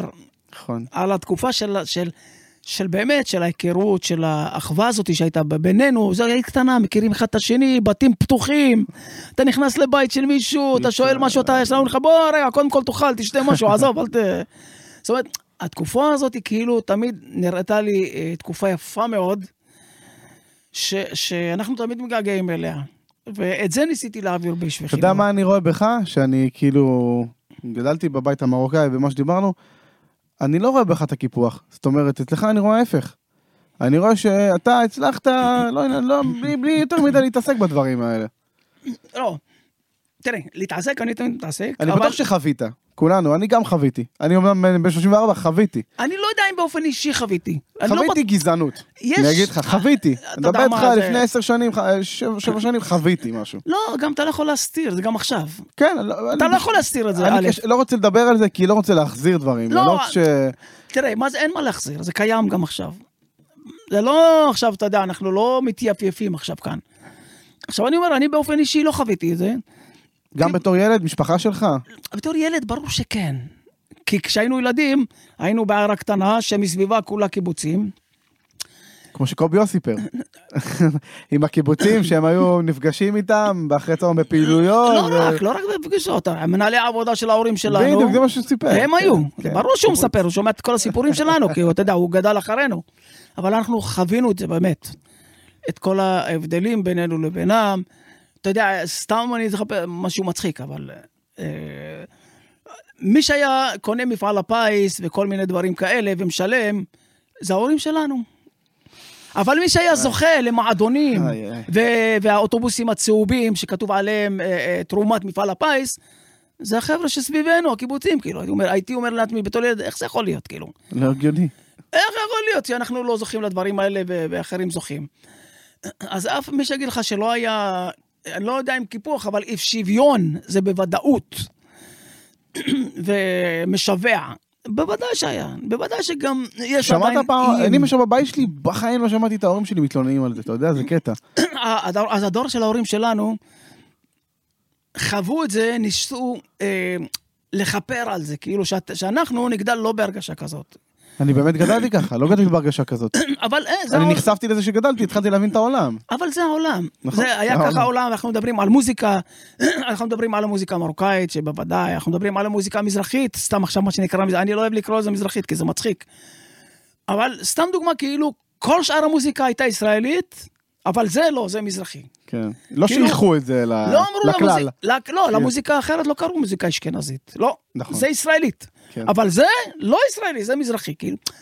היו, יש הרבה איים של... מקטלגים. יש הרבה איים של אי שוויון, בוודאי, מכל מיני כיוונים, אבל לא נתנו לזה להשפיע עלינו אה, אומנותית ומוזיקלית. זאת אומרת, שמע, בח- צריך הרבה... הרבה כוחות כזה, אתה יודע, להתמודד עם זה כל הזמן ולדחוק את זה, כי אתה עושה דרך שאתה יודע שכל מה שדיברנו עכשיו זה קצת, אתה יודע, צריך אופי לזה.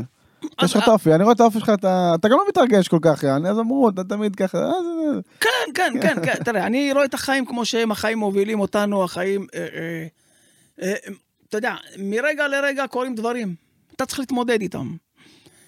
ואתה מתמודד בצורה, זאת אומרת, אתה יכול להיות עכשיו אה, או בצורה חרדתית, או בצורה של אה, אה, אה, להתלונן, אבל אני, אתה יודע, אני מקווה שאני לא שם, אתה יודע, מגיעים הדברים, ואנחנו מתמודדים בצורה הכי טובה שאפשר, ומנסים להוציא את הדבר הכי טוב שאפשר. זה בדרך כלל הצורת חיים שאני חי, וזאת זאת המחשבה שלי, כאילו.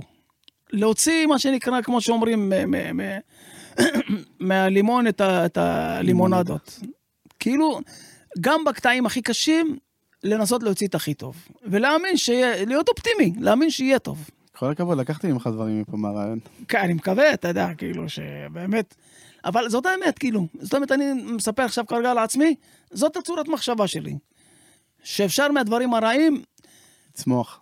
כן, לצמוח, אתה יודע, מי האמין שמשדרות יצאו כל כך הרבה להקות ומוזיקאים וזה, עיירה קטנה, שכוחת אל, אין לה סיכויים, צפון אפריקה רוב התושבים, בקושי יש עבודה, אנשים קשי יום, בקושי יש שכר, בקושי, אתה יודע, מצליחים ל- ל- ללמוד ולעשות וכל השאר. והנה, ממקום כזה קטן צמחה מוזיקה מפוארת. צמחו להקות, אה, כמו שאמרתי, שפתיים, וטיפקס, וכנסיית השכל, וחגית, וג'ולייטה, ושמעון עדף, המשורר, ו- ו- וציון חסר. אמיר, המשפטן, ועמיר פרץ, הפוליטיקאי, ושמעון אמסלם, הכדורסלן, לא? ומירי בועדנה היפיופה, ואני יכול לספור לך עוד מלא כן. דברים שיצאו משדרות שמבחינה אנושית, ברוך השם, אנחנו שם, אה, אה, גם עיר שהיא קשת יום, הצליחה להוציא ולהכיר לארץ ולעולם אנשים שהם מה שנקרא משכמם ומעלה. ברוך השם. רציתי לשאול אותך שאלה, ועכשיו הכרתי אותך קצת ברעיון, אני בטוח שאני יודע את התשובה. אה, עברת מקרה מאוד קשה, שנת 2019, חווית אבדה גדולה, בוודאי, שהבן שלך הלך לעולמו, ניב, זיכרונו לברכה. נכון. אה, אבא, הבן שלי, הוא לא היה רק, אה, לא רק הבן שלי, הוא היה איתי בעשייה, היה מופיע איתי, כן הגן, אחרי זה הופענו כאולי אלים, כשהוא מוביל, והוא זמר וכל השאר, וכתיבה ביחד וכל השאר, וכל הופעה, אחר כך אה, הוא היה מתופף אצלי בלהקה.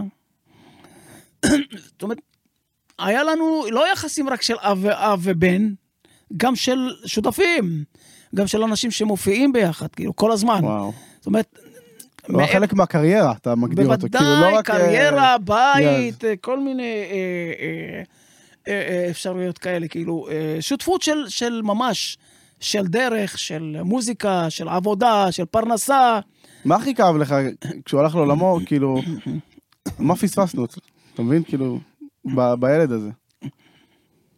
מה- זה הכי כאב?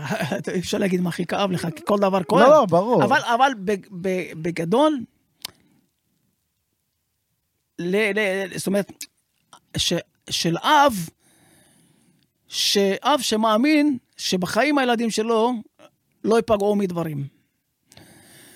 זאת אומרת, מרוב שהאמנתי בזה ש, ש, ש, שגידלתי ילדים מוזיקאים מוכשרים מאוד וחזקים מאוד, זאת אומרת ש, שכלום לא יפגע בהם. ויכול להיות שאם הייתי טיפה אה, יותר נמצא?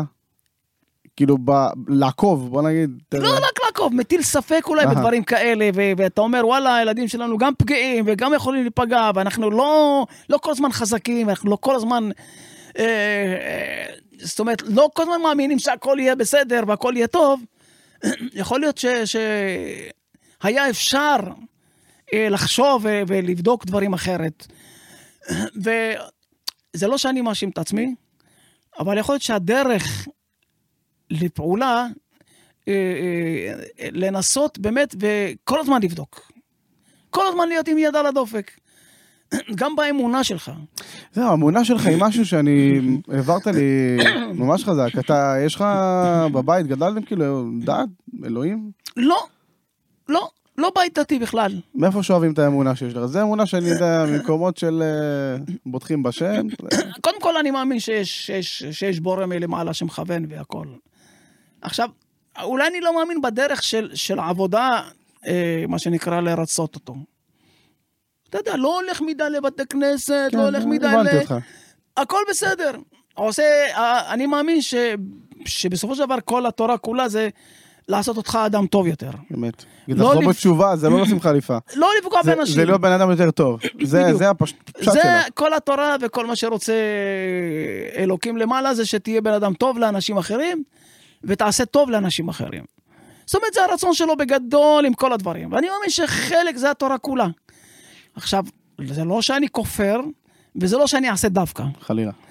לא, יש, אתה יודע, אני עדיין מאמין, אני הולך לבתי עלמין, אני הולך להילולה במרוקו, הולך זה לא של בבא סאלי הייתה אתמול. כן, אה, זכר. צדיק לברכה, מה שנקרא. כן? ואני מאמין, אני מאמין באנשים שקיבלו כוחות מאלוהים לטפל בבני אדם. כל הצדיקים שליחות. האלה וכל... כן, בוודאי. אתה גם יש לך שליחות איפשהו בתור אז- מוזיקאי. אז כן, אנחנו בדרך אחרת והם בדרך שלהם. זאת אומרת, זה לא שאני לא מאמין, אני לא גדלתי אמונה בבית דתי, אבל הייתה אמונה. אנשים בחגים עשו את כל הברכות וכל הזה, וש- ו- ו- ו- זה קידוש חלק בשבת. מהמסורת שהם... כן, גם לא. דתיים, אבל אנשים שבאו עם מסורת מסוימת במרוקו, ואמונה, ובמשך הזמן כאילו אמונה ש, ש, שאנשים יש להם שליחות כמוני, כמו שאמרת, או מישהו אחר שקיבל שליחות שהוא רב גדול, והוא ירפא את, המד... את האנשים והוא יעזור להם. כל אחד בדרכו. מה שעושה אלוקים זה להביא כל מיני אנשים מסוימים, כל אחד בעמדות אחרות, בשביל לשפר את האנושות. כל אחד יש לו חלק, כמו פאזל. כן. לעשות טוב יותר אחד לשני. אה, ודיברנו אז, דיברנו אז חלק עם זה עם- עם הבן שלי, כאילו. זאת אומרת, האמנתי שהם חזקים מדי בשביל שמשהו יפגע בהם. זאת אומרת, זה החינוך שלנו, זה החינוך שלי, זה מה שאני מאמין, זה מה שאני מרגיש, כאילו. ואני זוכר שהתראיינתי ישר אחרי, והתראיינתי לא בשביל להתראיין, כאילו, לא בשביל לספר על הסיפור, ולא בשביל להגיד כמה אני עצוב, וכמה אני בוכה, וכמה רע לי, לא. בשביל להגיד, חבר'ה, תשימו לב לכל דבר. כל פיפס תשימו לב. גם אם אתם חושבים שהילדים שלכם חזקים מאוד, תשימו לב. תעקבו. אל תהיו תהיו, שם, כן. לא יודע אם תעקבו, אבל תשימו לב, אל תהיו בטוחים במאה אחוז שהכל בסדר והכל טוב. תעשו את הדבר הזה, כאילו. תבטחו בהם הכל, אבל חצי עין, מה שנקרא, אה, לבדוק שכל החיים בסדר, כאילו, גם שאר, כאילו במוזיקה היינו באופן אבסולוטי. וידענו והכל זה, אבל בחיים הפרטיים לפעמים אנשים מגיעים למקומות אחרים. אז גם שם לשים לב, גם עם הילדים גדולים וגם עם משפחה רחוקה יותר, צריך להיות יותר, יותר מה שנקרא אה, אה, שימת לב, שימת עין. ניב היה מוזיקאי מצוין. הוציא קצת שירים אה, סולו. בטח, עשה דברים, הוציא שירים, הוא, לפני שהוא מת, הוא גם הספיק להוציא אלבום שלם ליוטיוב. וואו. ו- ו- ועדיין, זאת אומרת, אני כאילו, מבחינתי, זה לא שאני לא בן אדם אה, מאמין, וזה לא בן אדם שאני לא מקבל דברים. אני יודע שהבן שלי מת, אני יודע שלא קיים, אבל עדיין אני לא, לא אומר אף פעם זיכרונו לברכה. וואלה. כן, אני, כשאני מדבר על ניב, זה ניב. אני לא אומר לא זיכרונו לברכה ולא כלום, אני מאמין שיש ישות של מסוימת שהסתובבת אני עדיין. יכול לספר לך משהו שאני מזדהה איתך, אני באתי את אבא שלי, אחורה, לפני גם 12 שנה, 13 שנה. מה שקרה מאז, קשה לי להבין שהוא לא פה, אבל הבנתי שחלק ממני לא איתי. ועם זה אני חי. זה מה שאני מרגיש שאני חי. אני חי, אבל חלק פה לא נמצא איתי. כן. זה לא משהו שאפשר לתפוס במוח. אתה מבין למה אני מתכוון? אז אני חי עם, זה לא קל, מבחינת, לא קל לקבל ול, ו, ומלא דברים כבר מ, מ, מ, מאז כאילו יכולים לרגש אותי ול, ולהעציב אותי וכל השאר. אבל אני יודע שחלק ממנו אה, נמצא אצלי, כאילו. אני יודע שאם היית שואל את ניב, כאילו, גם לפני שהוא מת, כאילו, מה היית רוצה, שאבא, שאבא שלך יפסיק להופיע, דוגמה, שאבא שלך ירגיש לא טוב, ש... אני אומר לך, לא, ההפך. תופיע יותר, תעשה יותר. אתה לא צריך ליפול לעצבות, לא ליפול למה שנקרא ל- ל- לאבל. איזה יופי. זה חלק שאני חושב שהוא היה אומר ההפך. הוא מחזק, הוא היה מחזק. מחזק לגמרי, הוא נמצא, נמצא איתי בכל דבר. עוד פעם, לא במקומות של העצב וכל השאר. כן, כן. גם במקומות השמחים. כן, כן. גם כשאני מופיע, אני יודע שאני, זה חלק ממני, כאילו. הוא נמצא, הוא כיף. איתי. הכל, גם כשאני כותב דברים, אני תמיד זוכר דברים שהוא כתב, והציע ועשה וכאלה. ו... עוד פעם, זה, זה, זה איתי כל הזמן, אני לא צריך להתמודד עם זה. עם ה... זה, הוא פשוט נמצא בכל מקום, זהו. אני לא כן. צריך להתמודד, כי אני לא רב עם אף אחד ואני לא צריך ל- ל- עם אף אחד. זו עובדה מוגמרת. כל הכבוד שאתה לוקח את זה ככה, אני גם, אה, לקחתי ממך הרבה בשיחה, גם את זה אני אקח לעצמי נקודות פה, זה מעודד וזה נותן דרך. רציתי לסיום איזה סיפור שזכור לך מאחד ההופעות, מאחד המקומות, משהו שאתה, לא, אתה יודע, שיש זיכרון כזה בכל הדרך, איזה סיפור מאיזה הופעה, לטוב, לרע, משהו שאתה זוכר שחרוט לך במוח, תראה, יש, יש הרבה, בטוח יש המון. יש המון סיפורים. גם מצחיקים וגם... אה, אה, שלוף לי איזה משהו ככה שעולה לך בראש. אוקיי, סתם, סתם דוגמה עכשיו, אה, באחת ההופעות הראשונות שלנו כלקצפתיים הופענו באיזה מושב, בחתונה. והחתן והכלה היו טיפה קצת מוזרים טיפה. לא משנה, הופענו, זה היה בבית העם של המושב, ליד נתיבות, הופענו וכאלה, ואז הם באים לקידוש, והם מסיימים את הקידוש עם תשכח ימיני וכל הסיפור הזה, ואז הוא מנסה לשבור את הכוס, פרק, הכוס זזה לו הצידה. פעם שנייה, טאק, זזה לצד שני. לא הולך לו, פעם שלישית הוא נותן מכה, זה זז ליד הכלה והיא התעצבנה, נתנה בום, שברה את הכוס. והיה, האמת, היה שמח, היה מצחיק, אבל אנחנו מדברים סתם דוגמה על השיר אה, מועמד יאלי.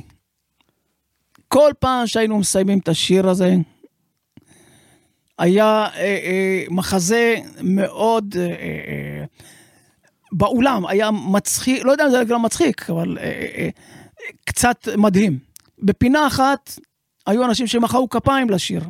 כן, עם אנשים השיר. שבוכים. כן, מצד שני אנשים בוכים, מצד שלישי רוקדים, והכל בשיר אחד. יאו. זאת אומרת, אתה מקבל... את- נגעת בכל הרגשות בעצם, בכל הקשת בדיוק. רגשות בשיר אחד. אנשים, כי גם זה קצב שמח, מצד שני המילים עצובות, וואו. מצד שלישי זה תמיד מזכיר לבן אדם שאימא שלו מתה לפני שנה, או שהיא חולה בבית חולים, או... זאת אומרת, ותמיד באו אנשים ואמרו תודה רבה על השיר הזה. באמת. אני גם מודה לך עכשיו, זו הזדמנות בשבילי. שהשם מלווה אותי, את אמא שלי, יודע, זה... אין. אז כן, אז תודה רבה על השיר שכתבת, כאילו זה, זה מרים את האימהות שלנו, את הסבתות שלנו. אז זה חלק מזה.